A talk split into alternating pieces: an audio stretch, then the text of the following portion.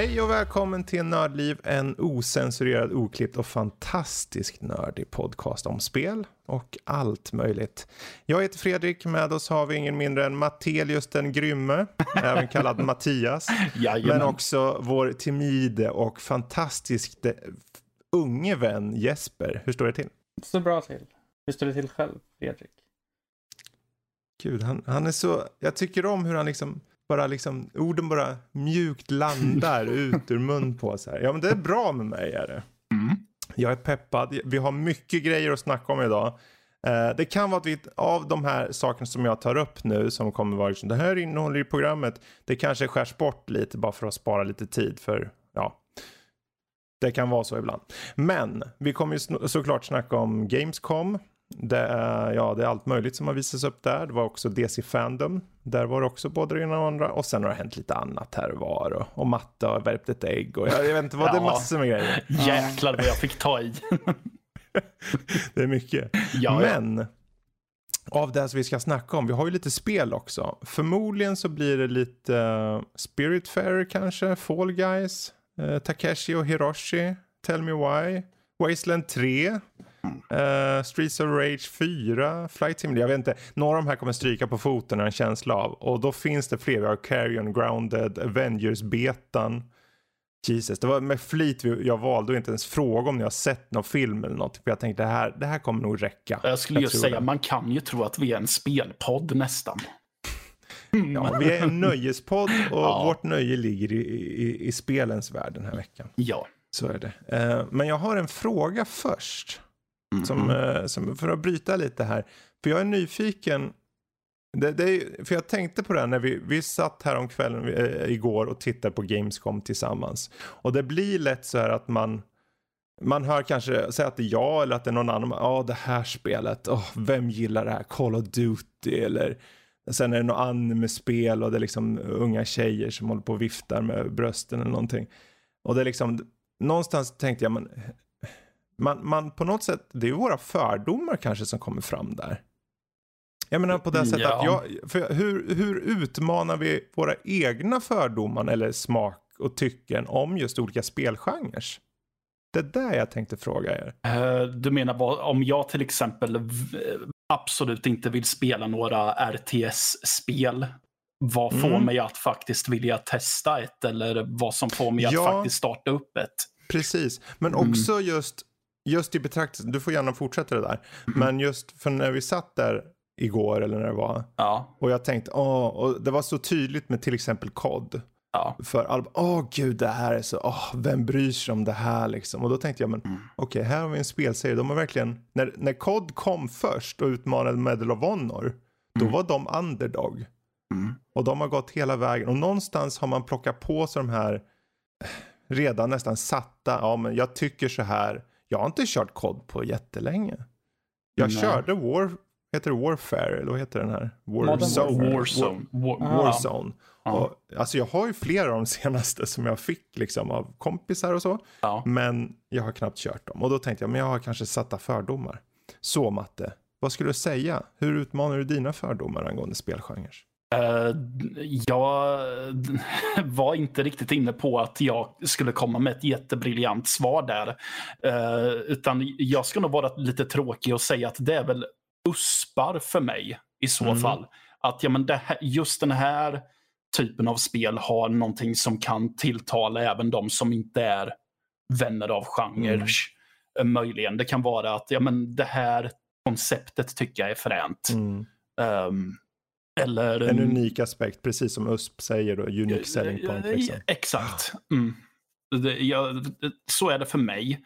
Eller mm. så är det till exempel att om tillräckligt många jag tycker om spelade så kan jag vara villig att eh, testa bara för mm. att se om jag fattar grejen. För jag tror att det är ju mm. det som är mycket med till exempel kod och så vidare, att jag inte riktigt eh, eller RTS för att ta det som ett exempel att jag fattar inte grejen med att det är mm. stort. Mm. Precis. Mm. Vad att... känner du då Jesper? Mm. Jag känner typ samma sak när det gäller Call of Duty som båda er. Eh, att jag själv inte riktigt varit insatt i det. Men jag kunde ändå förstå varför dock eh, det är så stort. Mm. Det är liksom mycket multiplayer, mycket folk som träffas tillsammans online och Mm. det blir en liksom eskapism för dem att liksom kunna skjuta ihjäl varandra liksom. Mm. Och sen vad jag förstått så har ju de senare spelen, eller en del av spelen ganska intressanta historier och Mm. sånt. Eh, Ja, alltså egentligen. Egentligen är ju kodserien, om vi ska ta det som ett exempel nu. Nu var det bara ett exempel ursprungligen där från mig. Men den serien växte ju fram utifrån att den hade en väldigt bra singelspelskampanj. Och sen efter några par spel då vart multiplayern jättestor och sen tog det över efter kanske, ja, var Modern Warfare där framförallt? Ja, men ungefär.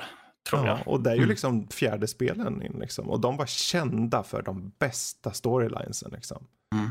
Så det är intressant. Men jag tänker just för att gå tillbaka till just med fördomarna i sig. För just det här, Mm. har ni någonsin funderat på, men varför tycker jag illa om den här spelgenren? För det är en sak att veta vad man själv tycker sett till liksom, okej, jag kanske inte är så mycket för RTS. Mm.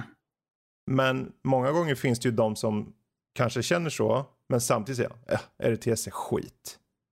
Okej.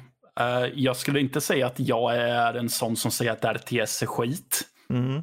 Utan jag är bara ointresserad av det för att en stor grej är att jag är ganska dålig på dem. Okej.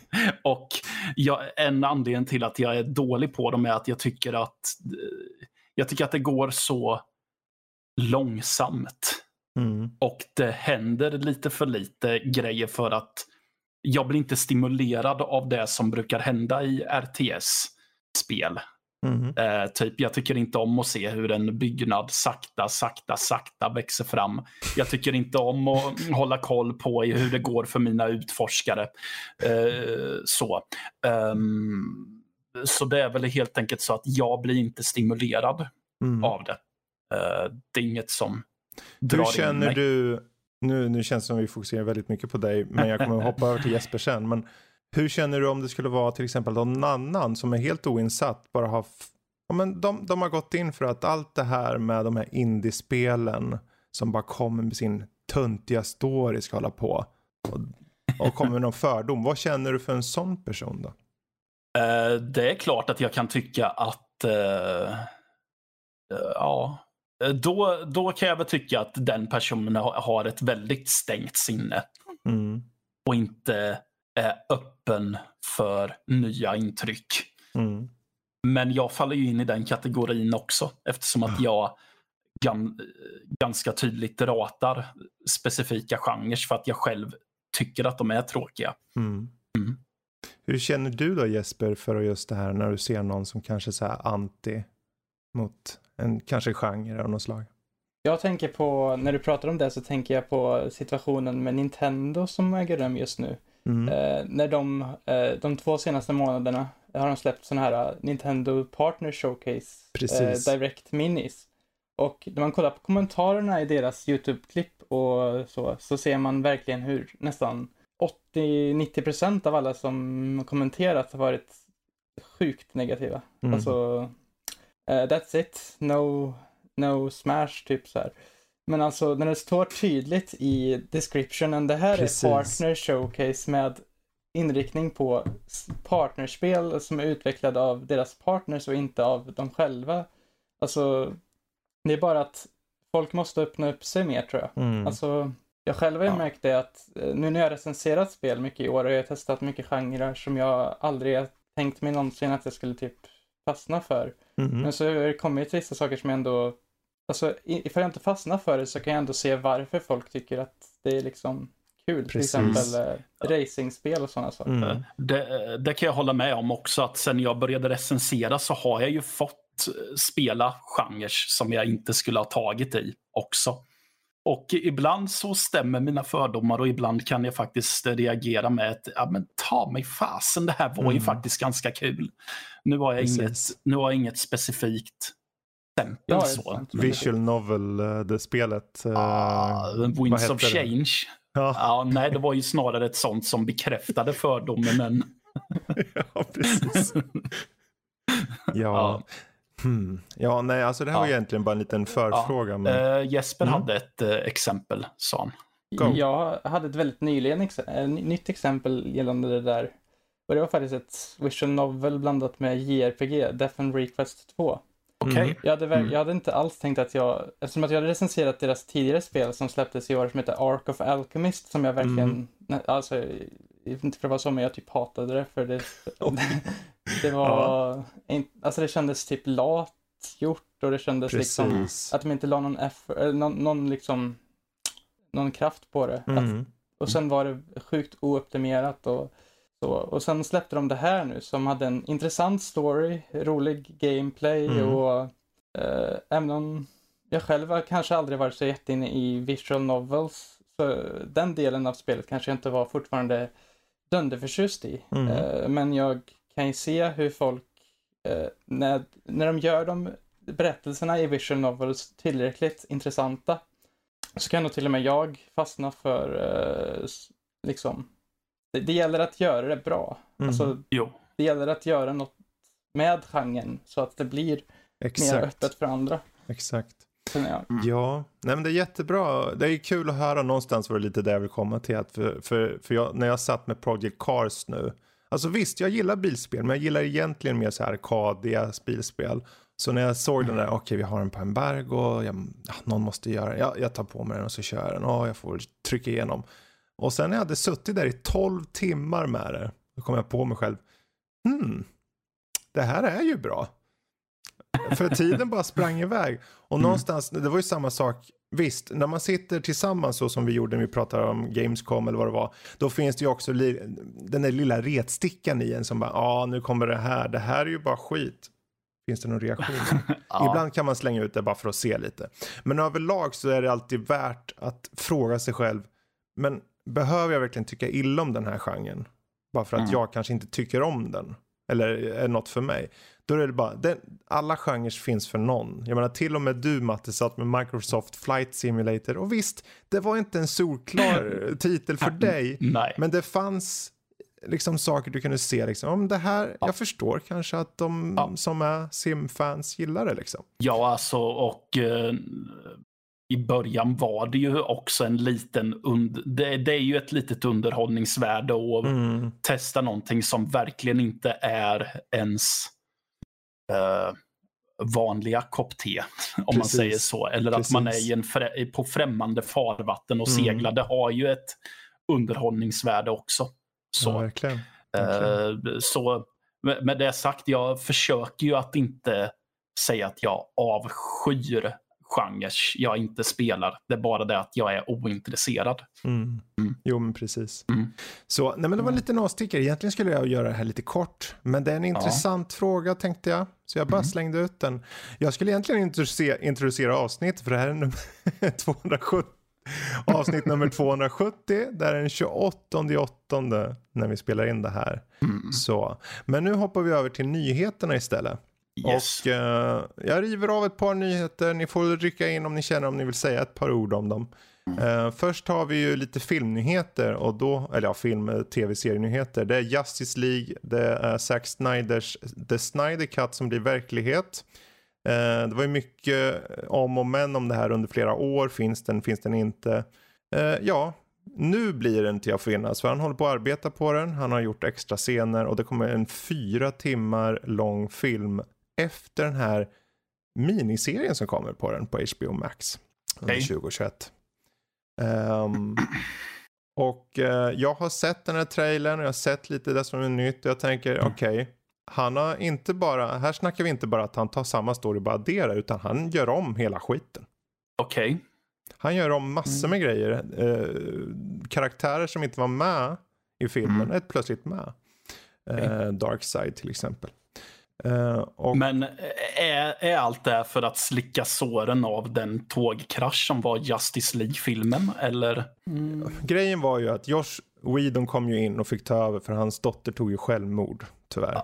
Jo. Eh, Mm. Och eh, han hade ju en helt annan idé. Uh, huruvida den idén är bra, ja det återstår att se nästa år. Det kan fortfarande bli en bajsmacka. Ja, jo.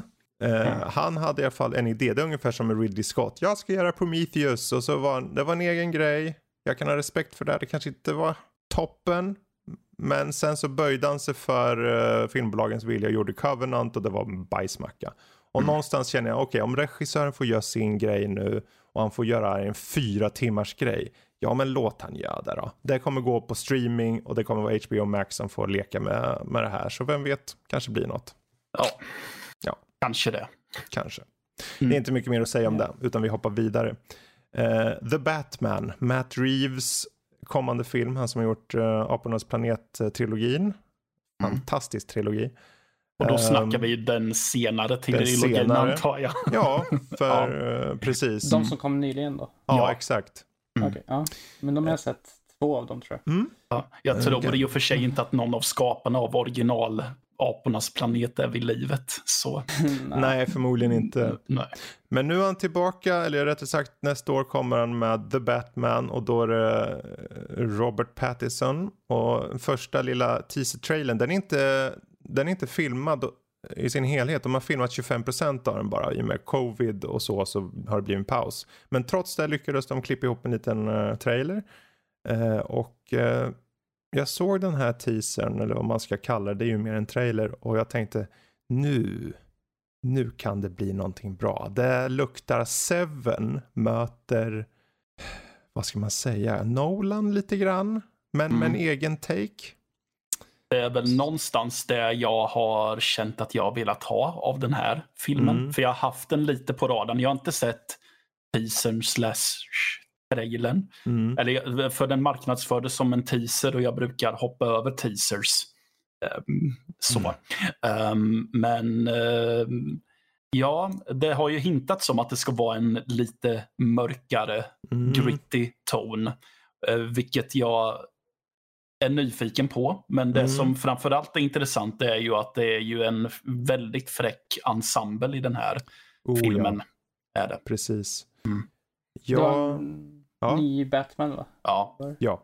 Um, Robert Pattinson är ju en skådespelare som verkligen går från klarhet till klarhet. Han var med i Twilight, ja. Men han har ja. gjort mycket sedan dess. ja, det var ju typ ja. tio år sedan så. Ja, herregud. Jag tycker man inte kan... Jag menar, jag såg den här The Lighthouse. Där går han all in kan jag säga. Ja, jag har fortfarande inte sett uh, den, men eh, det jag, jag kanske inte tycker den var en toppfilm direkt. Men den var den onekligen... Vad sa du? Mm. Den har varit på min radar mm. att se. Det är en sån som är verkligen intressant att se. Mm. Ur, eh, liksom, kan vara filmvetare idéer så här, bara lära sig saker och så. Mm. Men uh, framförallt den här The Batman, jag tror den kan bli intressant. Vi får väl kolla mer på den när det kommer in, mer info nästa år då. Uh, men mer typ DC då. Uh, Suicide Squad, Kill the Justice League, Rocksteadys kommande spel visades upp på DC mm. Fandom. Uh, Jesper, ja. första intryck? Det är bara en cinematisk trailer, så det har inte varit någon uh, gameplay på spelet. Nope. Uh, så, men om man ska döma det efter, utefter Rocksteadys tidigare Arkham, Batman Arkham-serie så kan det ju här bli, det här nog bli något riktigt bra. jag var inte någon jättestor nu jätteförtjust i uh, Justice League, eller Suicide Squad-filmen. Mm. nej, det var det ingen. Det, nej. nej. Men uh, jag tror att ifall de får friheten att göra något unikt och bra som inte är för mycket typ till just den storyn. Kanske mm. att man gör något lite mer på, alltså de får ta till sig sina verktyg och verkligen göra någonting så tror jag att det här kan bli något riktigt bra. Mm. Vi har mm. ju inte släppt förrän 2021 av, eller 2022 av det här spelet tror jag. Precis. Så att det återstår ju att se. Det kommer ju säkert komma massa trailers och sånt nästa år som kommer visa ännu mer så man kan döma det mer. Men Absolut. Det är lovande är i alla fall. Mm. Eftersom att det är de mm. som gör det känner jag. Matte? Mm. Ja, eh, vi tittade ju på den här revealen tillsammans. Eh, men eh, alltså om man säger rent trailer eller teasermässigt så det är väl eh, underhållande och ser spexigt ut. Eh, sen om man ska gå på vad eh, Rocksteady pratade om med att det ska vara four player co-op, ha möjlighet till det, men att man kan spela single player, mm. byta karaktär för varje. Så känns det som att för, jag har inte spelat alla Arkham-spelen, men jag har spelat två och det är mm. väldigt mycket typ historieberättan, fokus på berättelsen. Mm. Men också att du får bygga din Batman. Precis. Och det är ju en och jag känner att just den biten är jag väl orolig för att man kanske tappar då. Mm. Om du kan hoppa från karaktär till karaktär och så. Precis. Ehm, och jag- Ja. Eh, nej, jag, nej, du kan hoppa in. Mm. Jag tappade tråden lite. Okej, ja Mm. nej, jag först, jag var ju super, jag ska erkänna, jag älskar Arkham-serien och Mm. jag såg fram emot att se eller veta eller vad som helst bara få, få klart eh, klarhet i vad de gör. Det är ju en open world-spel som du sa med Mm. en till fyra sp- spelare. Det är Gunplay och Melee som det är fokus på. Utspelar sig i Metropolis, du ska jaga Justice League. Mm. Minus Batman, han är inte med. Nej, okej. Nej, han är inte med. Eh, de var poängterade. Det finns tydligen en story, men det kan potentiellt vara live service. Nej, då blev jag mindre taggad. Potentiellt. De har inte bekräftat Okej. den, men Mm. utifrån den informationen och hur de presenterar den så finns det liksom eh, Ja, Det finns vibbar där. Det, det, det, den här specifika spelet är kopplat med Arkham-spelen. Alltså det här är samma universum till skillnad från det andra spelet som utannonserades som vi kommer till strax. Mm. Ehm, den här kommer 2022 mycket riktigt. Och jag, när jag såg den här först tänkte jag okej, de ska slåss mot Justice League. Det här är ett intressant grepp sett till storyn. Okej, du har fyra stycken antihjältar som ska slåss mot de som är goda. Vad är gott, vad är ont? Och hur gör de då? Då gör de de goda till ondare. Yes.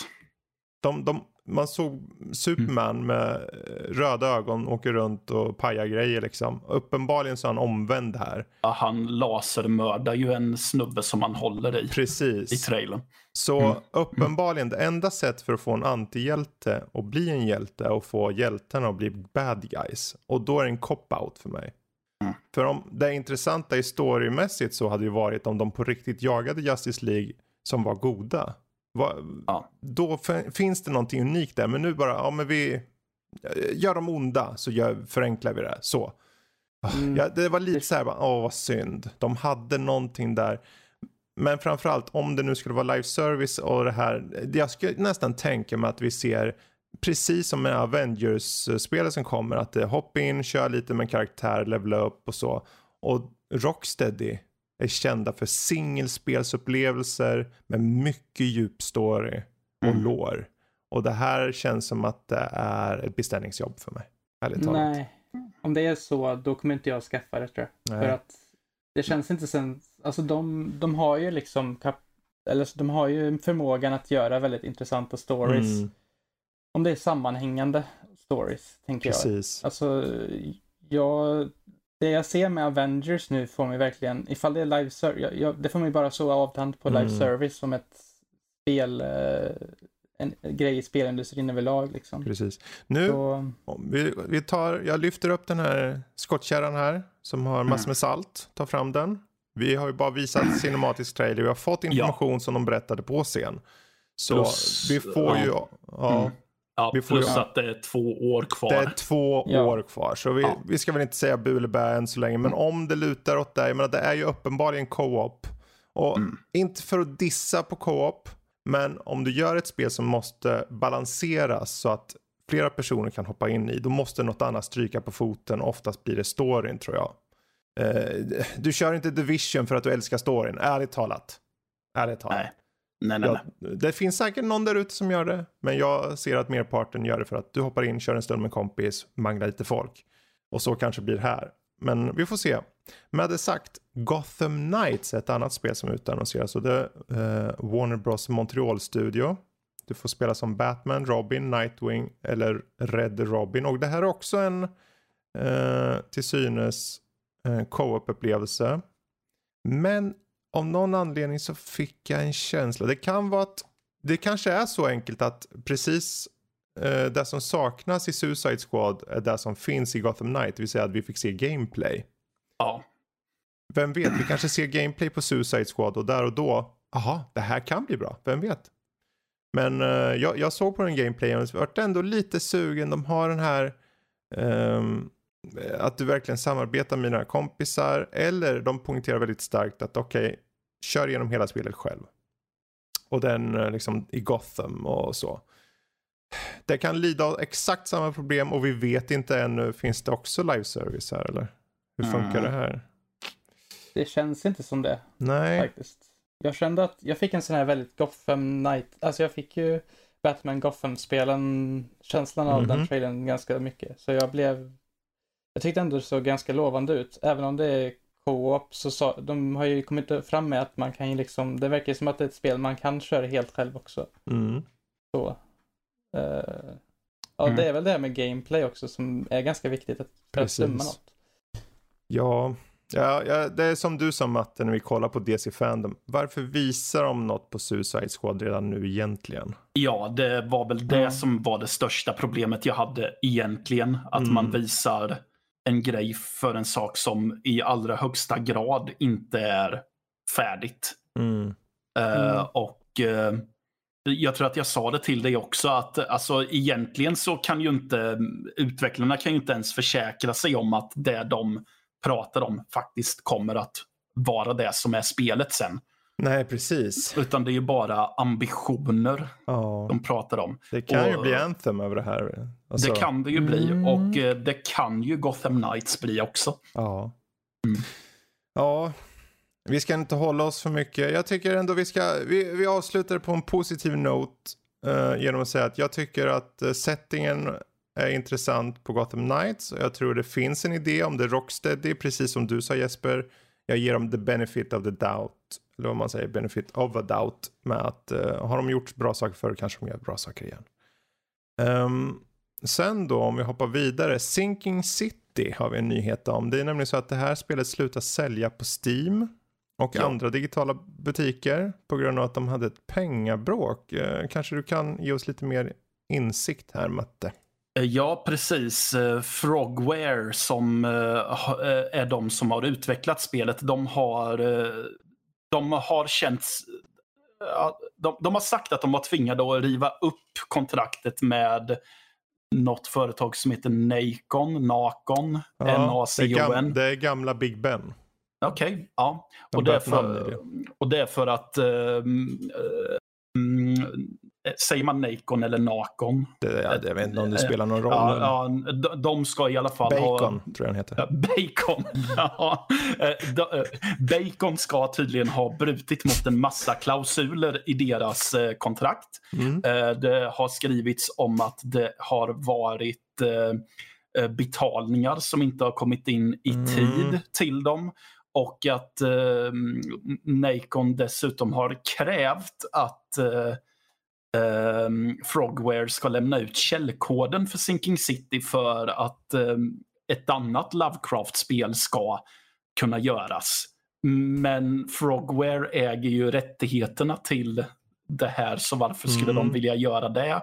Och ja, ehm, det är mycket sånt här dravel som gör att de tänker att ja, men då skiter vi i digitala plattformar. Mm. Så det som de som hittills har nämnts vid namn som jag har hittat är att det inte går att köpa det på Steam och det går inte att köpa det på Playstation 4s ehm, butik heller.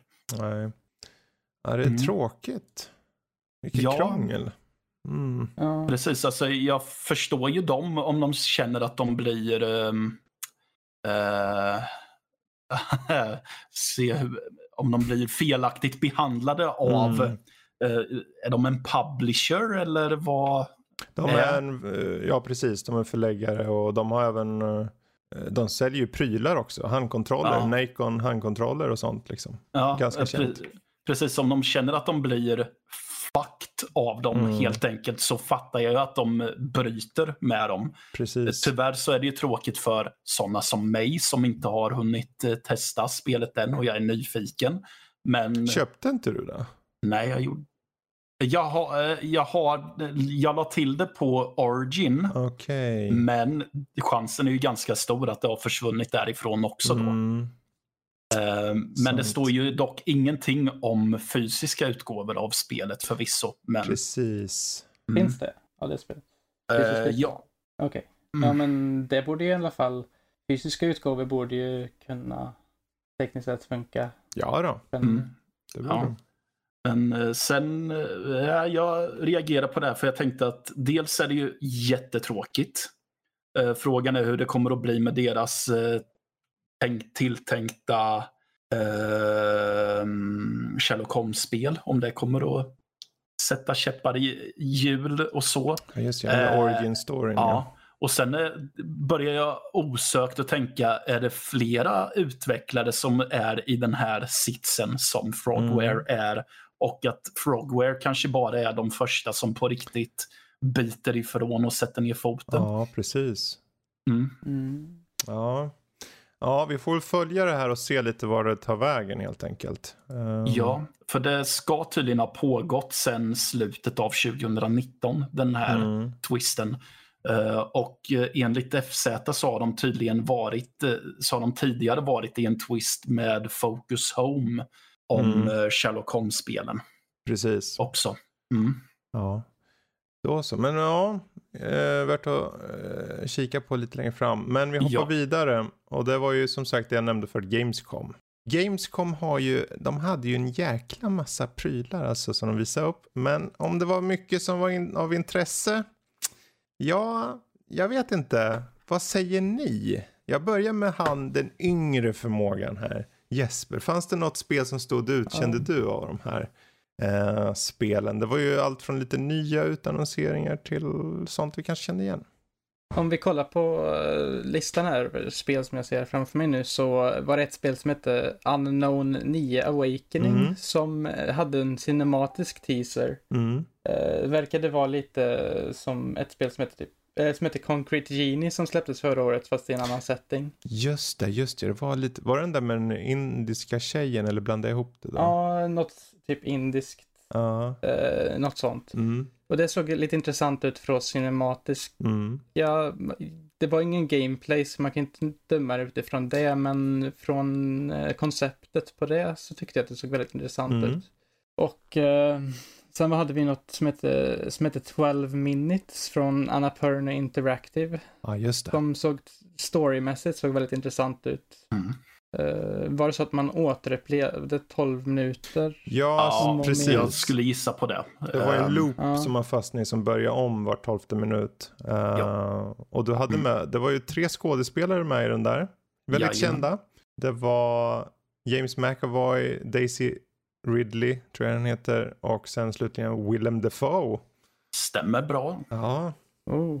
Ja. Mm. Där. Fanns det något mer du kände var av intresse då Jesper? Eh, ja, det var väl, eh, förutom en sak som vi kanske kommer till sen då, mm. eh, men eh, Little Nightmares 2. så jag har inte spelat, det först, inte spelat det första spelet. Men jag vet, det är en svensk utvecklare. Mm. Ja. Eh, och eh, det såg väldigt intressant ut. Mm. Det såg lite så här obehagligt ut mm. på ett bra sätt. Typ. Mm. Med lite så här eh, vad heter det, inside? Eller något ja, sånt där. lite inside ja. feeling, så här långsamt jagande av, uh, jagandes av ja. saker och ting. Om det är gubbar som kommer bara gåendes bakom det liksom. Um, mm. Ja, matte då, hade du något uh, du tyckte stod ut? Ja, det här höll ju på i uh, två timmar ungefär.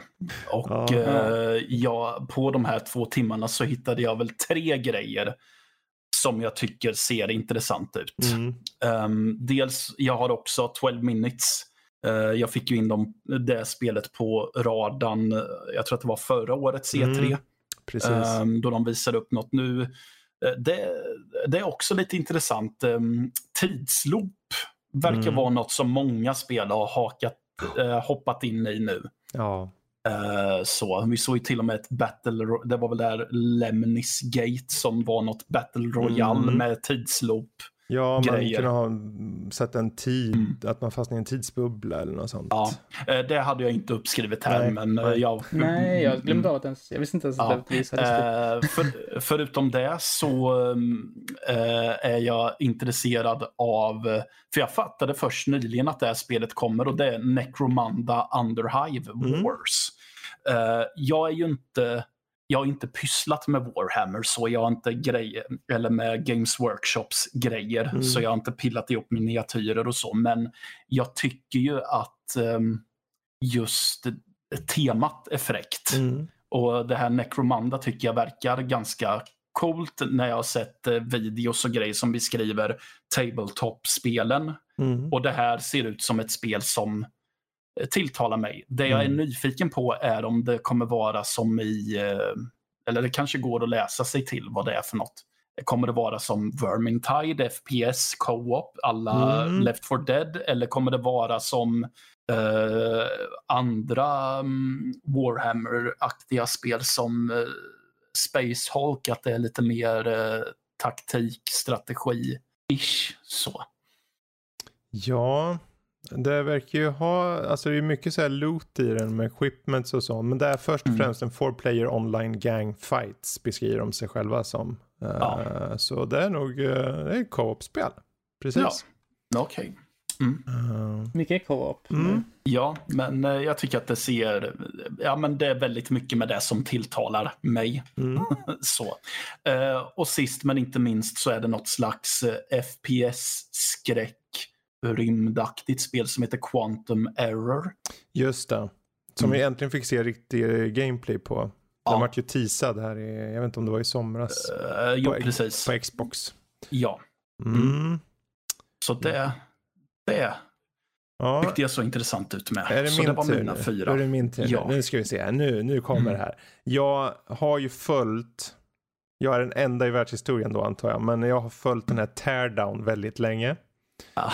Eh, och Teardown för er som inte vet om det är, liksom, du, det är, en, det är ett heistspel kan man säga. Med Eh, miljöer som är förstörbara. Och då handlar det om att du ska på en viss tid ta dig till en viss plats, trycka på en knapp eller till flera platser och trycka på olika knappar och ta olika små eh, sändare kan man säga. Mm. Och eh, på din väg, ta, ta, kör, kör en stor truck in i ett hus. Så du kommer in i huset, går upp för trappan, en dörr i vägen, ja, men ta kofoten, slå sönder skiten och in, tryck på knappen, gå till nästa hus genom att bara fälla en, en stolpe över hela skiten så att du bara klättrar över. Mm. Möjligheterna är oändliga. Ja, du fick då låta mycket intressantare för eh, min uppfattning var bara att det var typ eh, ett Garry's Mod-aktigt spel, att det bara var en typ lekstuga. Och in i väggar med lastbilar och så. Precis. Det som Mm. var problemet när vi satt var ju att vi alla gillade ju att prata och bubbla tillsammans. Och mycket jag själv missade också. Men Mm. just Teardown har jag ju redan koll på så jag visste ju vad det är lite. Så man ska helt enkelt utnyttja omgivningen till din fördel genom att nå de här olika platserna och ta och trycka i under tid liksom. Eh, ju mer du spränger desto bättre. Jag, Ja. Sen gillar jag bara att spränga skit också. Jag, jag fick bara Minecraft-vibbar från det, för det är ju så, Mm. det är ju Minecraft eh, pixelgrafik på Absolut. det sättet. Typ. Ja. Det är uppbyggt i voxlar så det blir ju fyrkant på fyrkant så här. Um, Ja. Sen, får se vad var det mer? Ja, alltså jag gillar ju det Quantum Error som du var inne på. Det ser ju intressant ut. Uh, Mm. Och 12 minutes, det har ni ju redan sagt. Eh, jag är ju, jag spelade Turrican när det begav sig och Turrican för de som inte vet är ett Metroid-liknande spel eh, som fanns Mm. på Amiga bland annat. Eh, och den, den är jag lite sugen på. Men jag gillar ju Chorus. Jag tycker det ser riktigt fräckt ut. Jag gillar så här arkad, rymd, skjut allt som rör på sig och sen så var det RTX på det där och det har en så här nästan control liknande utseende. Det tycker jag. Ja. Eh, och sen slutligen måste jag hjälpa norsken på traven. Mm. Ah, jag håller nog med om att här Lego Star Wars Skywalker Saga ser intressant ut. För att av, när man såg gameplay så ser man karaktärerna i tredje person. Ja. Och då tänker jag, har de, har de gått ifrån klassisk Lego? Alltså Lego-serien? Att gjort det här till tredje person, det här snett över axeln grej. Är det så, då har de, då har de på riktigt eh, börjat om på... För jag vet ju att de har gjort om hela Sky... Eh, vad heter det? De har ju släppt Star Wars-spelen i Lego-format, 1-6.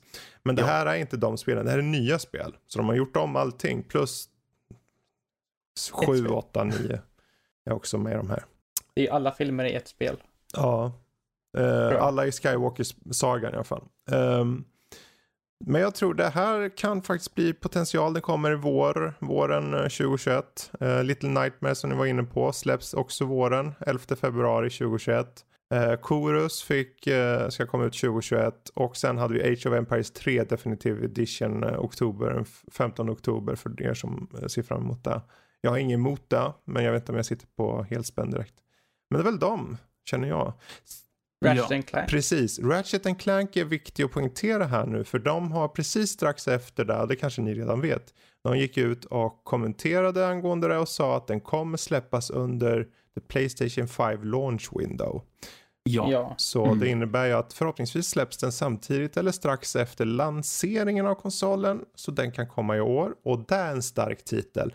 För nu när, när de sa det, då, då åkte mitt så här, ska jag köpa en Playstation 5 i år eller vänta? Den jag kanske ska göra det då. Ja? Mm -hmm. mm. Det har ju väldigt potential. Alltså när man såg det första gången på Playstations egna event. Mm. Alltså jag blev ju väldigt, typ chockad av eh, teknikaliteterna. Oh. Alltså åker från dimension till dimension utan en enda mm. liten laddningsskärm eller någonting. Precis. Och allting är liksom det såg ut som en cinematisk trailer. Mm. Men sen kom de ut med det här är äkta gameplay. Exakt. Bara, What? Exakt. liksom. Ja, det är spännande. Sen ja. så var det ju vad vill du säga Matte? Vill du säga något? Eller? Ingenting. Nej, nej, okay, okay. Jag ville bara säga ett ja så att inte folk glömmer bort att jag är här. Är du här Matte? Nej, jag... jag trodde du bara satt och sa bacon då och då eller något. ja, ja. Hur som helst, vi, vi har ju lämnat en sak ute och det var den du kanske refererade till förut uh, Jesper. Uh, de visar ju upp lite på Dragon Age 4. Uh, eh, och ja, visa upp och visa upp. De visar konceptbilder och sen visar de någon enstaka liten tidig prototyp antar jag. Och sen visar de Solas, eh, karaktären från eh, Dragon Age, stå och gapa så här. Um, han är en alv, okej? Okay? Deal with it. Eller okay. ja, nu, nu, ja. nu sa jag att okay. han var en alv, så nu kommer jag massor bara, han är tekniskt sett inte en alv, han är faktiskt, och så säger de vad han är för någonting. Han är det typ eh, samma diskussion som är då, huruvida det är en drake eller en wyvern också? eller? Kanske det. Kanske. ja. ja vad, vad kände ni när ni såg det här om Dragon Age? Uh, jag kände att jag kanske kommer få hopp om Bioware mm. igen. För man såg att det var väldigt många nyckelpersoner från de tidigare Dragon mm. Age-spelen. Jag kan inga namn så här på raka, men uh, jag vet ju att när vi kollade på det så poängterade Andrea. Uh, ja, Andrea att det var liksom, hon blev helt extas över mm. det här mm. och att Alltså efter Mass Effect Andromeda och Anthem behöver verkligen Bioware det här spelet de behöver att det här ska mm. vara ett väldigt det här ska vara ett bra spel. Annars ja. så, eh, bio, då är Bioware körda känner jag. Det, det, är deras liksom last den, line. Det är nu det gäller. Det är nu det gäller och de behöver ta sin tid. De behöver visa som du var inne på nu att rätt personer är på arbe arbeta på det här. Och de behöver ta sin tid. Inte för lång tid. Men de Nej. behöver ta sin tid. Um, för jag tänker, det, de kan ju avvakta om de avvaktar i 5-6 år. De, alltså en studio, EA kommer vara super... Ju längre de väntar desto hö, högre ambition kommer EA ha på dem. Så enkelt är det. Så om de väntar sju år på det här då räknar EA med att de ska få tillbaka de där pengarna. Och i sju år har det gått väldigt mycket slantar under den där bron kan jag säga. Så den ska ja. komma ut, alltså den måste komma ut inom typ tre år definitivt. Ja. Uh, jag skulle gärna se två år med tanke på att de visar upp Dragon Wolf, varför Dragon Wolf, The Wolf Rises uh, teasern här bara för, ja vad var det, ett år sedan, två år sedan. Alltså den är ju redan utannonserad den här, det var ju bara nu att vi fick konceptbilder och så. Så jag tänker att de måste ju ha någonting. De måste mm. ha ett jävla bra spel här. Men sen har vi en liknande situation med uh, Nintendos Metroid Prime 4. Mm det annonserades 2017 och sen 2019 så fick de restarta hela utvecklingsprocessen för att Oj. de tyckte inte att det blev bra nog. Så det kan ju komma en liknande situation mm. med detta. Att eftersom att de känner de känner eh, självklart, alltså de måste ju känna någon slags press nu efter eh, vad de har fått för kritik mm. på Andromeda och Anthem att det här ska bli ett bra spel. Mm. Och om det inte kanske blir enligt deras förväntningar efter ett tag så kanske de kommer göra samma sak och starta om. tänker jag. Så att Ja. jag vet inte. Alltså, Alltså, jag, jag, jag tänker fem år i alla fall är eh, maximum. mhm. Eh, helst mindre. Eh, att, ja, Men, ja ehm, det, fem år kan ju vara mycket möjligt. Det, då är det ju dock att då kommer ju kraven på EA, från EA's sida vara så höga så att de behöver ju tjäna, de behöver ju sälja det till maxvinst då. Och är det så att de får, att de får bra mottagande men det bara säljer som bäst, okej. Det är ungefär som Tomb Raider och Square Enix krav de hade. Bara, om den här ska sälja 10 miljoner och de sålde 8 miljoner och det var och de, det är en förlust, men det är fortfarande 8 miljoner. Men det är liksom, om de har prognostiserat det och det inte blir, då kommer, det ge åt, då kommer de göra åtgärder och så drar de ner på saker. Om EA gör åtgärder, då säger vi nog bye bye till Bioware. Bye bye Bioware, bye bye. Bacon. Nej, eh, Mycket bacon helt jag tror plötsligt. det är mycket bacon. Mhm. Men vi ska nog låta Dragon Age få ligga där och, och byggas på under tiden så tar vi och rundar av faktiskt på det här med nyheter känner jag. Eh, och Ja. går vidare lite på faktiskt vad vi har spelat. Ja, Eh, det var matig nyhetssession det här. Mm, det var matigt. Mm, ja. Får se om det blir li- Mm. lika matigt nu. Marvels Avengers-betan var... Först tänkte jag men det här är skitsnyggt, det flöt på jättebra. Sen så kommer det här med gameplay in i bilden och sa hej. Jag är uttråkig och du slår och ser siffror överallt och det är liksom... Sen får man, och sen utrustar du dina Avengers med liksom loot. Som att, jag menar om jag har Hulken, varför behöver han loot egentligen? Eller hur? Vad ska han ha en handske till? Inte ett skit. När någon skjuter på honom blir han ju eh, ännu argare bara. Ja, Då blir han Mm. starkare. ja. Men det var ju inte Mm. bara logiken i det. Det var ju just att det var osedvanligt tråkigt i det jag körde. Okej. Ehm, någonstans. Tråkigt på vad sätt? Tråkigt Alltså, för att hela upplägget var så tydligt riktat mot hopp in, kör, hopp ut. Och Okej. min ambition för det här var mer att jag vill se, alltså om de nu ändå har fått licenserna, gör någon riktigt bra story på. De hade någonting i grunden på det här jag körde nu. Eh, och det Mm. kan vara att betan, man får ta olika delar är det. De har bara olika delar så det är inte, uppenbarligen inte fulla spelet.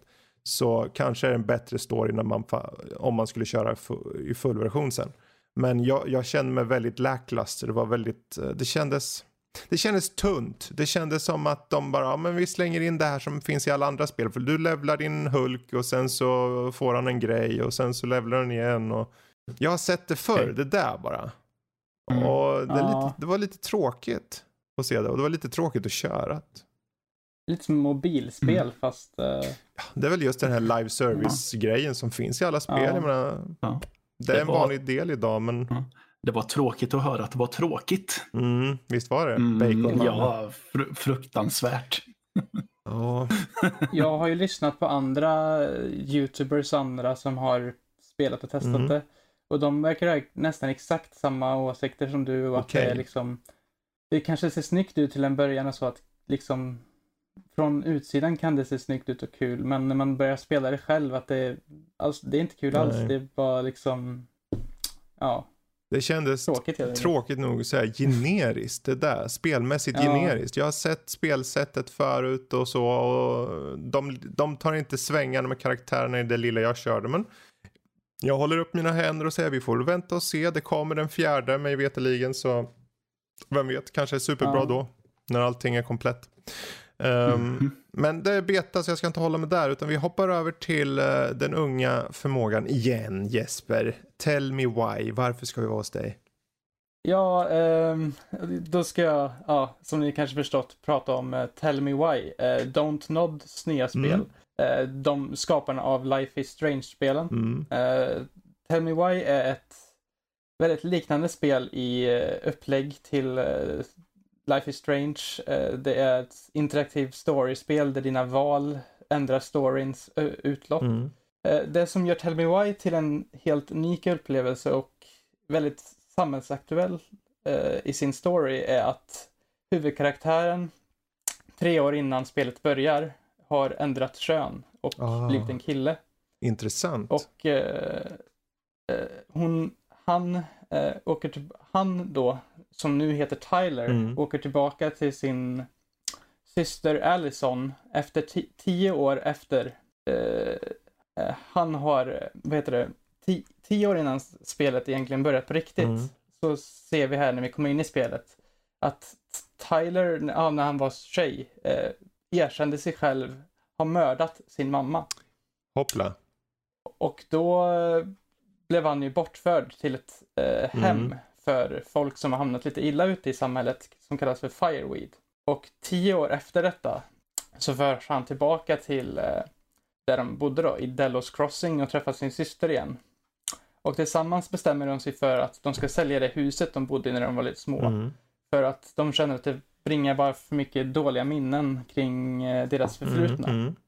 Och eh, ja, det som gör eh, det som gjorde Life is Strange lite unikt, det var ju att det fanns lite övernaturliga event med eh, man kunde liksom något tidsbaserat. Ja, man kunde det. dra Precis. tiden fram och tillbaka eller hur var det? Eller man kunde Eh, f- se, se, se framtiden eller vad, vad som Ja, skulle du, kanske du hända. kan, I första Life is Strange så kan du ju spola tillbaka Ja, tiden Mm. några sekunder för att eh, Ja, det ingår i problemlösning och även Mm. eh, ditt sätt att testa andra lösningar. Alltså, jag valde att säga det här till den karaktären, men nu spolar jag tillbaka och säger det här Mm. istället.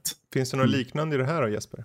Ja, eh, fast inte just det. Mm. Eh, här så är det mycket, väldigt mycket fokus på synergin mellan eh, Tyler och Allison. Mm. Eh, de har en superkraft att de kan telepatisera Mm. med varandra. Så de kan prata i tanken Mm.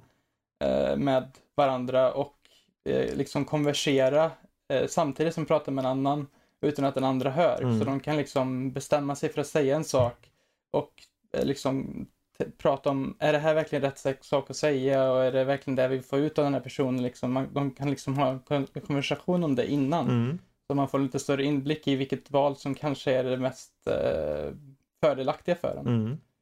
Och en annan element som är väldigt unikt med det här spelet är att de tillsammans kan se tillbaka på minnen från deras ungdom eh, genom att de eh, tillsammans tänker tillräckligt mycket så kan de liksom få tillbakablickar som de ser Okej. eh, liksom spöken från deras Ja. förflutna liksom. Ja. Och eh, ibland så är det så här unikt att då finns det två versioner. En som Allison kommer ihåg och en som Tyler kommer ihåg. Och då får man själv Ah. som spelare välja vilken tror du är den mest sannolika har faktiskt hänt Mm. för tio år sedan när de sett det här. Och det är det som gör det här spelet unikt från Life is Strange. Okej. Och sen så har den, en- det är tre delar. Eh, nu eh, har bara första släppt, men jag har ju spelat alla tre Mm. för recension då. Mm. Och är ungefär en till två timmar långa. Inte så, eh, det är nästan som att man helst ska spela dem i en sittning för att få ut tillräckligt mycket av det. Mm. Känner jag att det är lite för kort för kanske en sittning utan att det...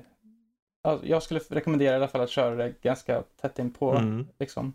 Och eh, jo, men alltså att det är så här samman, eh, samhällsaktuellt och så till, eh, till synes eh, politiskt gör att det, jag, känner, jag känner att det är väldigt vågat och eh, jag tycker att det är ett väldigt, ja det är ett aktuellt spel som jag tycker att folk ska testa Mm. och eh, det ger en inblick i hur familjerelationer kan fungera och hur, hur det kan se ut i vissa hem där folk väljer att göra sådana här val och att de inte kanske känner sig bekväma i sina kroppar och att man vill ändra någonting. Mm. Att ja, hur olika samhällen kan se ut och olika familjer, att man kan lä- lära sig förstå saker bättre Mm. då. Så jag, jag skulle rekom- def- definitivt rekommendera att köra The Tell Me Why, Mm. men att man kanske ska vänta tills alla delar Mm. släppts. Det är ju tur att de släpps ganska nära in på varandra. Jag menar, sista delen Ja. kommer den 10 september. Så, och då finns alla tillgängliga. Eh, På Game Pass, så ifall du har Xbox Game Pass eh, till PC eller till Xbox så kan du ladda ner det här gratis och testa. Mm. Så det liksom, du behöver inte betala någonting precis. om du Mm. har Game Pass. Då. Spännande. Jag har faktiskt redan tagit ner första episoden. Nej, men Alltså, Fredrik jag, jag är redo. Jag är redo att ta mig an Ja. det. Eh, Mm. Och vem som också är redo det är du Matte när du sitter där med din bacon i, i handen och äter medan du kör Wasteland 3.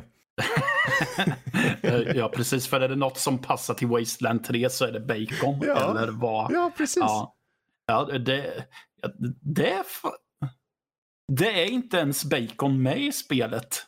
So? Inte, inte som de har rent uh, uttalat sig. Det finns ett ställe som heter The Bizarre Mm. som serverar i stort sett bara fläskgrejer. typ sådana här pork buns. eh, Och, och så är det ju passande att de har en massa grisar som springer runt i källan. Mm. Sen är det i ett quest så är det en, några, ett gäng som kallar sig för El Payasos. Jag antar att det är spanska för pajasarna för Mm. de har clown-makeup på sig och så. Som har fått för sig om att Nej, men vi, vi eh, binder fast dynamit på alla de här jättegrisarna och skickar ut dem som bomber. Oh. Ja. Du berättade ju, Eh, det var ju, visst du har ju det här med att du kan skjuta, vad var det, frusna illrar som projektiler. Ja, eh, jajamän. Men Mm. det var någon annan sak du berättade som var också så här mysko. Eh, kan det vara att det finns ett eh, eh, finns en klan som kallas för The Gippers som tillber Ronald Reagan som någon slags gudpresident. så Okej. utanför deras högkvarter så har de en staty av Reagan Okej. som rör sig och är en fullfungerande AI. Jaha. Och första gången man stöter på den så är det för att det är en rättegång Mm. mellan en eh, typ indiankvinna från en tribe som tror på att ja, men om vi skär upp människor och skickar upp eh, kroppsdelarna i eh, såna här drakar så kommer vi att tillfredsställa några slags gudar. Okej. Eh, ja. Och sen så är det en robot som anklagas för att vara kommunist. Alltså jag känner att vi måste ta hem det på Game Pass nu. Ja. Kan vi gå in på vad det är för någon typ av spel då? Eh, Ja, det är ett eh, isometriskt eh, RPG Mm. som har sina rötter eh, i 80-talet. Mm. Eh, första spelet kom 87 och eh, det banade vägen för Fallout. Mm. Jag har för mig att det faktiskt är samma, ut- samma gäng som Ja. gjorde bägge spelen. Sen bröt sig han som äger In Exile, som jag har tappat namnet på. Ja, Eh, han bröt sig loss ifrån dem i alla fall och fick eh, efter eh, vad jag antar är mycket om och men tillbaka rättigheterna till Wasteland. Så 2014 så gjorde han Wasteland 2. mm. Jag har inte spelat det och jag har ingen aning om hur det är. Eller... Men jag tror att det togs emot ganska det väl av de som gillar genren. Och så kommer ju då det här. Och jag känner ju att har man varit nyfiken på den här typen av genren så är det det spelet man ska testa. För de har streamlinat så många element. De har gjort eh, all... Eh, en gimmick är ju turbaserad strid som i XCOM. Mm. Eh, Det vill säga det kommer Okej. upp ett rutnät som man kan flytta karaktärerna på ett visst antal action points och så kan man attackera och eh, Mm. greja. Mm. Eh, Det, det är så mycket rappare är det. Det går ganska fort och det är en, den är väldigt nerkondenserad där också så att den är lätt att behärska och förstå att ja, men här hittar jag specialattackerna och så. Mm. Um, och sen är det ju just det som jag tar med mig mest. Det är ju att det är ju dess bisarra satir och humor. Mm. För att de överdriver ju allt och det är ju inte så att de känner att de någonstans tänker att ja, men vi behöver nog tagga ner lite på den här överdrivna bisarra humorn. Nej, nej, de löper linan ut hela tiden. Och när man tror att ja, men nu, nu, kan, nu, nu, nu kan det inte bli mycket värre, ja då överdriver de ännu mer hela tiden. Så, ja, eh, vilket bidrar jättemycket till eh, underhållningen. Eh, så den största grejen man tar ifrån sig här, det är ju som i de flesta RPG, att det är ju alla sidospår Mm. du kan gå. Det är inte nödvändigtvis huvuddelen, som är bra, men den är ju den som är mest basic. Det är ju mycket roligare att träffa alla knasiga bikaraktärer. Mm. Och, Är det eh, inte det här spelet alla du har, eh, eller det är kanske Desperados du hade någon, hade man inte något djur man kunde styra? Eh, det finns, ma- du kan ha, eh, du kan ju plocka upp eh, en grej som du kan, du, du kan ju rekrytera rangers Mm. till ditt gäng. Du kan också rekrytera companions som är mer AI-aktiga karaktärer. ehm, som du får styra när det är strid Mm. i stort sett. Sen finns det ju friendlies Okej. Och friendlies då kan det ju vara djur som till exempel man träffar på en katt med en kaptenshatt på sig som heter Major Tomcat. Eh, som man ska, eh, det första man ska göra är att locka ner honom ifrån en hög höjd med ett paket cigaretter. För att denne katt är så jätteröksugen. My God. Och, han, Okej. och Ja. eh, det är inte bara så att han är en söt katt som går och mjauar lite under tiden du eh, gör dina när du går runt med dina karaktärer. Han är ju med och slåss också. Hur slåss han? Ja, men han hoppar och biter fienden. Du kan också träffa en vulgär papegoja som heter Polly som bara skriker obsceniteter. Du, och sen väldigt många eh, cyborg-hönor Men vad fan? Kan Alltså, jag måste ladda ner det här på Game Pass. då. Hönor? J- Jajamän. Som Okej. är väldigt aggressiva. Så när man försöker rekrytera dem så står det beskrivande att, att det är knappt att du vågar gå fram till den här hörnan för han är fruktansvärt aggressiv. Ja, alltså jag förstår ju så här. Vi har ju en liten minispoiler, jag vet inte om det är spoiler, men vi har ju en intern mm. Goti-lista man kan nominera spel Ja. till. Det var snabbt den Ja. här åkte upp på den där eh, nomineringslistan från dig. Eh, Det var väldigt snabbt. Eh, jag, eller ja, jag eh, nominerade dig när jag var färdig med recensionen. Mm. För, eh, för, ja, eh, jag hade kunnat göra det väldigt tidigt för det, jag manglade ju spelet. Mm. Dels för att jag ville ha något att skriva om men sen också för att jag fastnade ju så oerhört i det. Mm. Jag tycker att det är så vansinnigt roligt. Ehm, Jag tycker, Ja. jag tycker det var så kul för när jag Mm. var, jag frågade ju dig där, jag kommer inte ihåg när det var, men ja. just där och då, du bara, "Ah, ska jag ta på mig något, ja vad är det för något spel? Wasteland 3, alltså jag har ju köpt precis två nya spel jag tänkte köra. Och då har han ju köpt Last of Us Part 2 och Ghost of Tsushima. Och då Ja. kommer jag där, och du bara, ja, ja, ja, jag kan ta det. Och Mm. sen nästa gång jag pratar med dig, du bara, "Ja, jag ska skriva klart det här nu bara, men jag, jag ska göra det snabbt för jag måste spela mer av det här efter. Jag, får avva- jag ska avvakta med Last of Us och Ghost of Tsushima, men jag måste köra mer av det här. Och det är ett Ja. supergott tecken. Jag har redan är det förberett och tagit ner det här på faktiskt Game Pass. Jag har ju tillgång till din Ja. Steam, men jag tänkte då kan jag köra när jag Mm. vill. Ja, men det ingår ju i Game Pass för de som har Mm. det. så Då, behöver du, då kan du ju, ja, nu hade du ju tillgång till mitt bibliotek, men jag tänkte säga då kan du ju spara de slantarna. Och, Ja. ja. Nej, men, så det är, det är en jätterekommendation, Mm. både för folk som gillar genren och för de som är nyfikna. precis. Så. Man Mm. behöver inte köra ettan och tvåan Nej, att spela detta. nej, det behöver du inte. Det Nej. görs referenser till eh, saker som har hänt förut, framförallt i tvåan. För du spelar som ett gäng som ifrån början kommer från Arizona. Men eh, du får, du får reda på vad karaktärer gjorde i förra spelet Okej, bra. bra. Okej. också. Du Bra. får reda på att eh, för jag tror att det i stort sett handlar om att de, man ska förstöra en data-AI av Mm. något slag tror jag. Uh, mörda robotar och grejer. Så det görs mycket referenser dit. Men det är inte så pass att man känner att jag borde ha spelat det här. Okej. Utan de, de uppdaterar folk som... eh, träffar du gam, eh, Pratar de om gamla karaktärer så kan du till och med fråga eh, vem är det? Okej. Eh, Så, Okej. så det, det är anpassningsbart Men en så eh, pass också. solklar rekommendation. Det blir kul. Vi får Definitivt. se om vi andra Mm. håller med när vi kör det. Vi får se, vi får se. Ja, jo. Eh, undrar om jag ska riva av ett också då. Jag tänkte, jag tar ett som jag vet du har kört också Matte, bara för att vi, det är lika vad vi pratar om det. Vi pratar om Ja. den som alla pratar om. Fall Mhm. Guys, Ultimate Knockout. Mm. Det var ju så här, jag satt en kväll och tänkte, jag skulle ju vilja testa det, men det är lite, det var, det var innan jag fått pengar eller någonting och tänkte, ja, det, ja nej. Och sen så viskade någon i mitt öra, hör med Lotta. Och jag hörde med Lotta och jag sa bara så här, jo jag funderar på det här Fall Guys, bing sa det och då fick jag Fall Guys skickat till mig med en, med en så här, vi ska köra det här och då körde vi det i några timmar. Och du hoppar bara in, du ska komma bara till mål, det är enkelt. Eh, konceptet, ni som inte vet om det, jag menar, vad kan man säga att det är liksom? Det är en slags det Battle Royale med show. små uh, jellybean-gubbar som du ska ta dig till mål eller bara Ja. vinna matcher.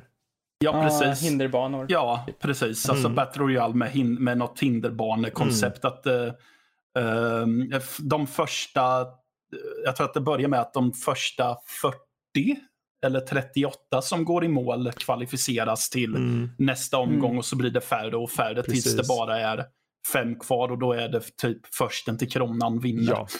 Och det är ju, Mm. Det beror på Ja. vad det är för spel också. För Ja. ibland kan det vara så att folk typ ramlar ner i Mm. avgrunden. Ja, typ alla mängder. precis. Precis, så kan det också vara. Men jag kom på mig Mm. själv där, för jag var ju nyfiken. Men jag var, ja, men eh, det, Lotta kom till assistans. Vi körde det som sagt. Och vi kom båda fram till att det var ett perfekt spel på det sättet att man kunde sätta sig i fem minuter. Man kunde sätta en timma. Man kunde eh, liksom bara bubbla med varandra. Eller köra verkligen eh, ut för att vinna. Och även om du, Ja. om hon dog tidigt, då var det lite så här, lite så här lagmentalitet. Ja men hon bara, heja Fredrik, det kommer gå bra. Jag, jag tror du kommer gå vidare. ja. Och Mm. i och med att konceptet är så sjukt enkelt och Mm. det finns inga namn på personer så det, det är inte, jag blir ju väldigt kompetitiv när det handlar om liksom vissa spel. Men ja, nu kommer den där killen, jag vet han eller Mm. hon. Mm. Eh, jag ska Mm. ta den jäkeln, nu ska, nu ska de få. Men här är liksom, Mm. alla de här ambitionerna bara rinner av och det handlar bara om, ha Ja. kul i stunden bara. ja. That's Och it. det är ju så, det är ju så vansinnigt kul hur kaotiskt det blir på vissa Mm. banor också. Eh, för eh, det är ju också, vissa banor är lite kul för att det går, man har ju bråttom för att man vill till mållinjen. Mm. Men det finns ju en bana som bara är med en massa vippbrädor. Där Ja. man på riktigt måste ställa sig och vänta på vippbrädorna. Och man känner bara, "Men jag vill springa, jag vill springa. Alltså med Och allt så det här sagt, och... självklart kan man bli frustrerad. Gud kan Det man kan bli man. frustrerad. Ja, ja, det kan man. Det finns vissa banor Mm. jag tycker de ska stryka. Ett är ju bara i mitten är det massor med små ägg. Du ska ta äggen och lägga i din lilla egna hörna. Det är tre lag. Det är Ja. inget roligt läge. Nej. vissa lägen tycker jag som de brukar börja med en hinderbana. Man ska eh, springa över någon slags snurrande grejer så här bara. Och sen ska du Mm. bara upp för någon vägg som har massa gelé och grejer. Och det jag, tycker jag, det här är kul. Det här, det hinderbanegrejerna Mm. tycker jag om. Och så fanns det någon fotbollsdel som var bra också. Eh, fotbollsbiten är ju bättre än äggbiten. Det finns ju Mm. en annan fotbollsgrej då det är ett gäng bollar i mitten och så ändrar de färg beroende Ja. på vilken plan tredjedel de kommer in i. De är inte så Nej, kul. precis. För fotbollen så finns det ju ändå ett taktiktänk. Mm. Medans eh, äggen handlar ju mest om att man sätter sig och spelar och tänker jag hoppas att det inte är mitt lag som blir Precis. utsatt för mobbingen här. Ja. Med att nu går vi och tar alla de gula ägg. Ja, Mm. det är någonting med de gula. Jag har sett det Ja. på Twitter och grejer. Alltså att Yellow Team är typ sämst eller ja, någonting. där. precis. Ja, precis. Ja, nej, men alltså Mm. som, som idé, det är ju ganska billigt. Ser du på, jag menar, det är ju extra billigt om du hade Playstation Plus, då fick du det gratis. Ja. Men Det var så jag fick det. på Steam så Ja, kostar det jag samma. 1999. Eh, Mm. Du får, du kan ju köra när som helst, eh, med vem som helst. Jag menar många spel blir jag lite så här, "Åh, s- eh, behöva prata med folk jag inte känner och så. Jag tycker det, det är inte min grej riktigt. Men här behöver man ju inte bry sig om det. Du hoppar ju bara in. Nej. Nej. Eh, och jag köpte det åt min dotter också, min yngsta. Och Mm. vi körde tillsammans. Så det var ju kul tyckte hon när jag ramlade ner och hon kom i mål. Men eh, sen så gjorde ju hon samma sak och då skrattade jag henne i ansiktet. Så det är liksom ge och ta, ge och ta. Eh, det är inte ett perfekt spel såklart. Men det, jag tycker det är kul för Nej. stunden och det, kommer, det, det är månadens flavor lite grann sådär tror jag. Ja, eh, vi får ju se nu Mm. när, de, eh, när de väl släpper säsong två Ja. om det håller i sig det här. Mm. För det, har ju, det är ju sinnessjukt vad det har sålt bra och så med. Verkligen 10 miljoner Ja. ex på Steam bara sålde det. Ja, Aha. Oj. På Steam också, där det kostar Ja. pengar. Precis. mm. Så det är ju stort, vi får se. Um, med det sagt, jag tänker vi hoppar över till Jesper igen. För jag, jag är nyfiken på Takeshi och Hiroshi. Det här Claymation-spelet. Ja, eh, kort och gott är det ett, eh, det är ett indiespel. Eh, jag är rätt säker på att det är en japansk utvecklare, för det är japanska namn och karaktären är japansk. Ja, det Mm. känns lite japanskt. Eh, och ja, jo det är japanskt för att det var japanska eftertecken Mm. också. Men eh, det är ett spel som handlar om en, eh, en storebror och en lillebror. Eh, Takeshi heter storebror och han är en eh, han vill bli spelutvecklare. Mm. Så han sitter med en laptop och gör ett spel. Mm. Och eh, hans bror har eh, någon lungsjukdom av något slag. Okej. Och han måste ligga på sjukhus. Eh, och när han är på sjukhus så blir han helt ut, uttråkad så det går inte att liksom... Eh, alltså han är Mm. jätteuttråkad där. Och eh, då får du Takeshi idén att han ska låta sin bror bli en playtester på det här spelet medan han ligger på Okej. sjukhuset. Och eh, det han gör då, eftersom att han inte riktigt har gjort spelet helt klart, så tar han och ger sin bror en surfplatta där han får spela och det spelar man ju själv då sen som Mm. Hiroshi då i spelet. Och så tar Takeshi hand om fienderna genom sin egen dator där han låtsas att han gör eh, hemläxor för att han inte egentligen gjort klart spelet utan han Okej. liksom eh, synkar den så Mm. att han liksom lägger in fiender som kommer lite när som som han får eh, köra mot. Och då är Mm. grejen att eh, du själv ska spela som eh, Takeshi då i det här spelet eh, och bestämma vilka fiender som Hiroshi ska möta. Och du måste hålla eh, rätt svårighetsgrad för honom för att han ska bli, han ska känna sig nöjd och glad av att spela. Han ska, det ska inte vara för lätt, det ska inte vara för svårt och han ska inte dö såklart. Mm. Så är det fem waves av fiender på banan. Och sen så är det typ fem kapitel tror jag. Och där är lite story med claymation-scener emellan som berättar eh, lite hur han tänker och var han får inspirationerna från olika monster och sånt.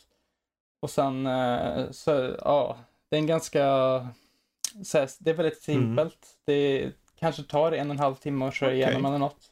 Mm. Men det är väldigt, det är ju ändå mycket unikt Mm. spel eftersom att det är, all, det är sällan att de får sån här claymation-stil och blandat med en liten typ RPG-element där det är lite mer tecknat Mm. liksom. Så det blir ju ganska mycket variation ändå på den här tiden och de olika fienderna har ett olika gimmicks som eh, Hiroshi måste Mm. klara av. Och eh, ja, det kanske är ganska simpelt rent spelmässigt. Man bara klickar på olika monster som får möta honom liksom.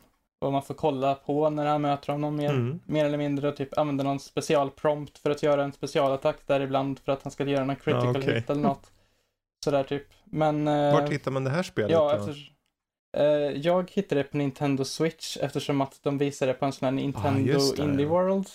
Och då betalade jag nog bara typ 50 kronor för det tror jag. Mm. Eh, det var någon extra rea för det också så jag kände att ja, det här ser lite intressant ut. Eh, en specifik, en egen stil Mm. liksom. Så jag tänker att 50 kronor det kan man lägga på någonting så här bara för att man ska testa det. Precis. Och eh, ja, Ja. Ja, jag tycker att det är värt de pengarna faktiskt, även om det inte är så Mm. långt. Det är, ganska, det är ju väldigt lite pengar för ett spel. Mm. Så jag skulle rekommendera att om ni har haft något intresse för det så ska testa det lika Ja, gärna. kolla upp det, verkligen. Ja. Hmm.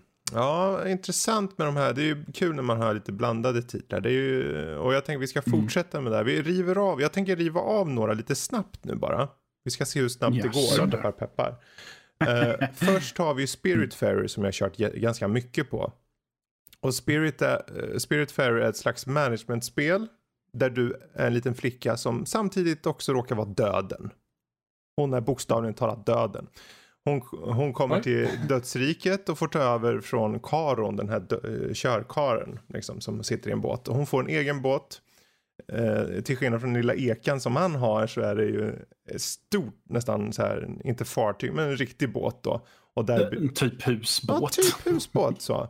Ja. Eh, Husbåt är ju verkligen Mm. rätt namn för man bygger ju olika liksom, rum. Det kan vara ett kök, Mm. det kan vara ett hem för en, du plockar ju upp olika karaktärer och leder dem vidare till eftervärlden så att säga.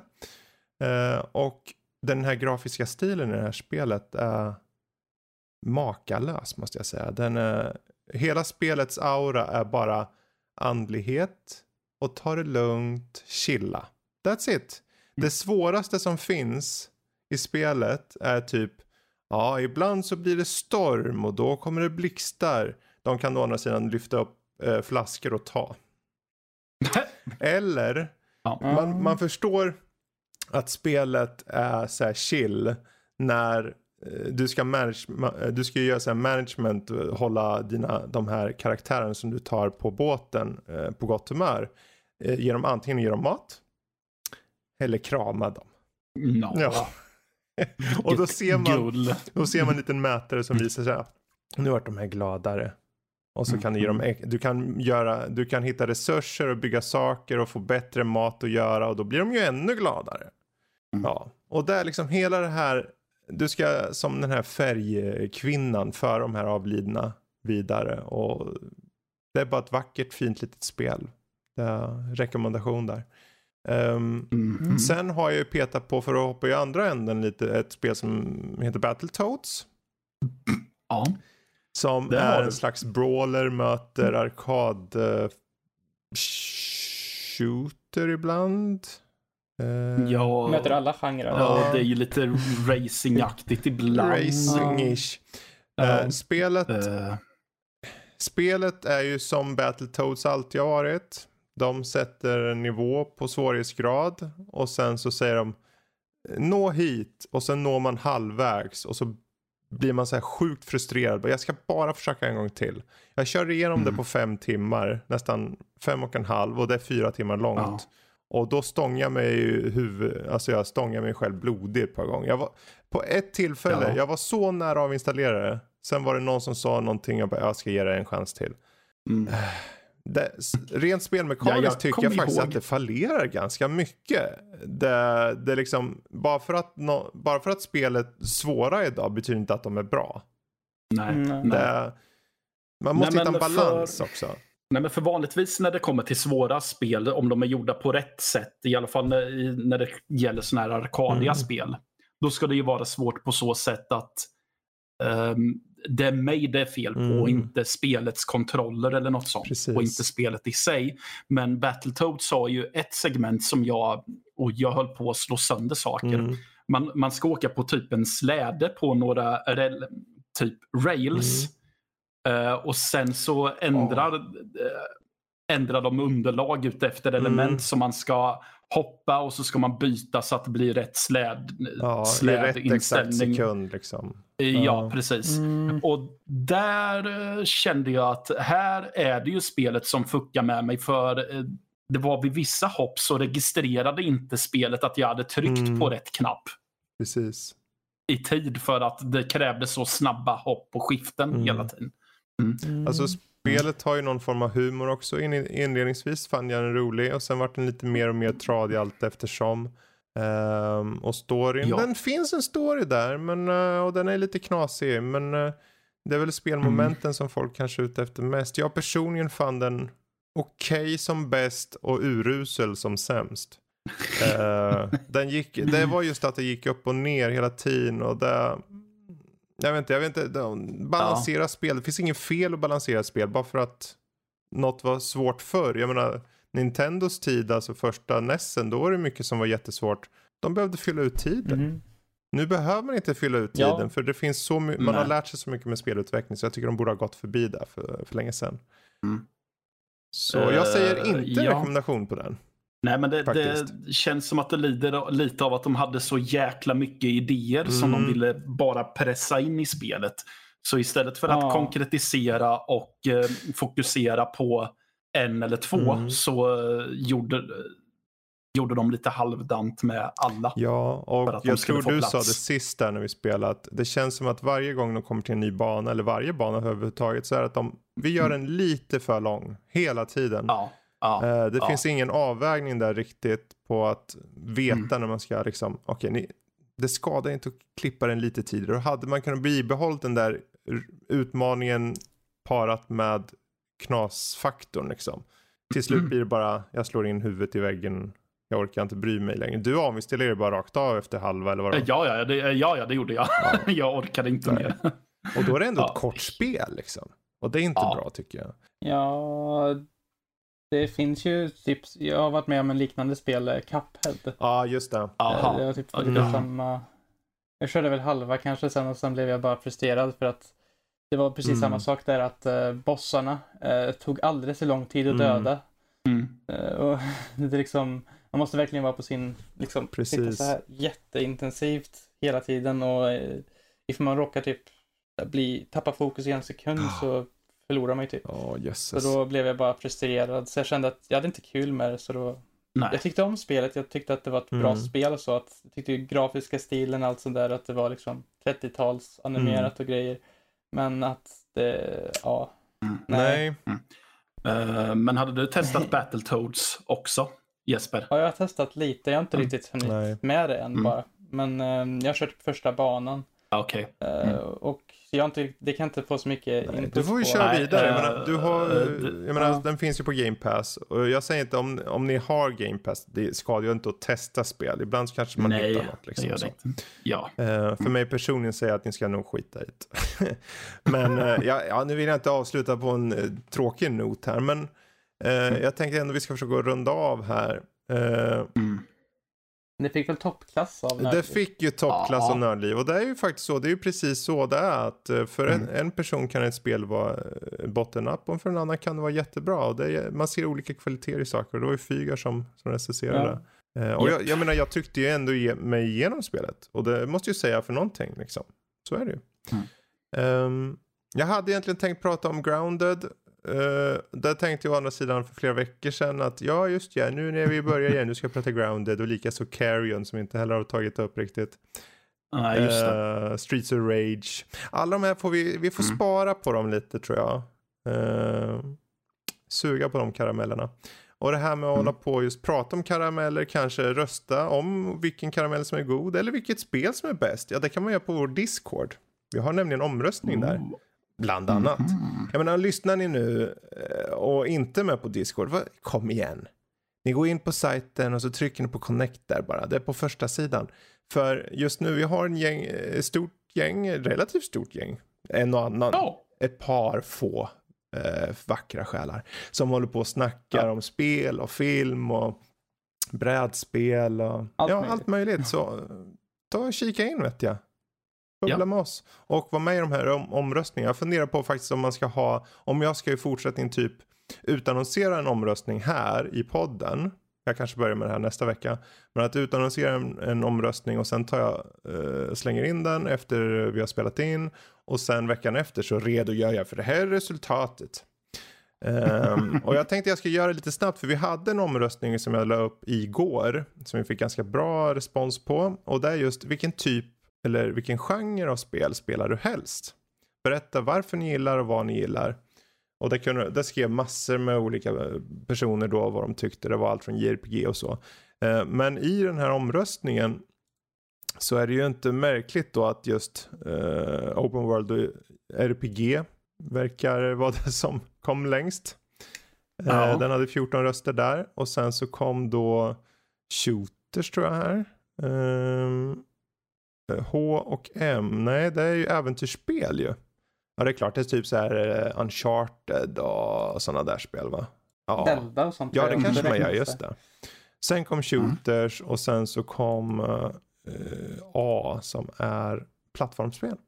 Och det är liksom, det är kul att se. Det var ju väldigt få dock som, som röstade på eh, I som var MMOs. Så vart är alla MMO-spelare? Vart är ni någonstans? De har gått i det och tänker inte visa De sig sitter ju och spelar mer. MMO såklart. Ja. De har ju inte tid att hålla på och rösta. Ja, ja, för, ja, just det. det och äter bacon. Ja, alla spel spelas Ja, bättre yes. med bacon. Precis. Men nog om Mm. Discord. Tack för att ni har lyssnat och stort tack till Jesper och Matte som har haft tid att bubbla lite idag. Eh, Ja, då, Så hörs vi alla nästa vecka igen. Hej då allihopa. det gör vi. Hej då. Ha det bra. Hej då!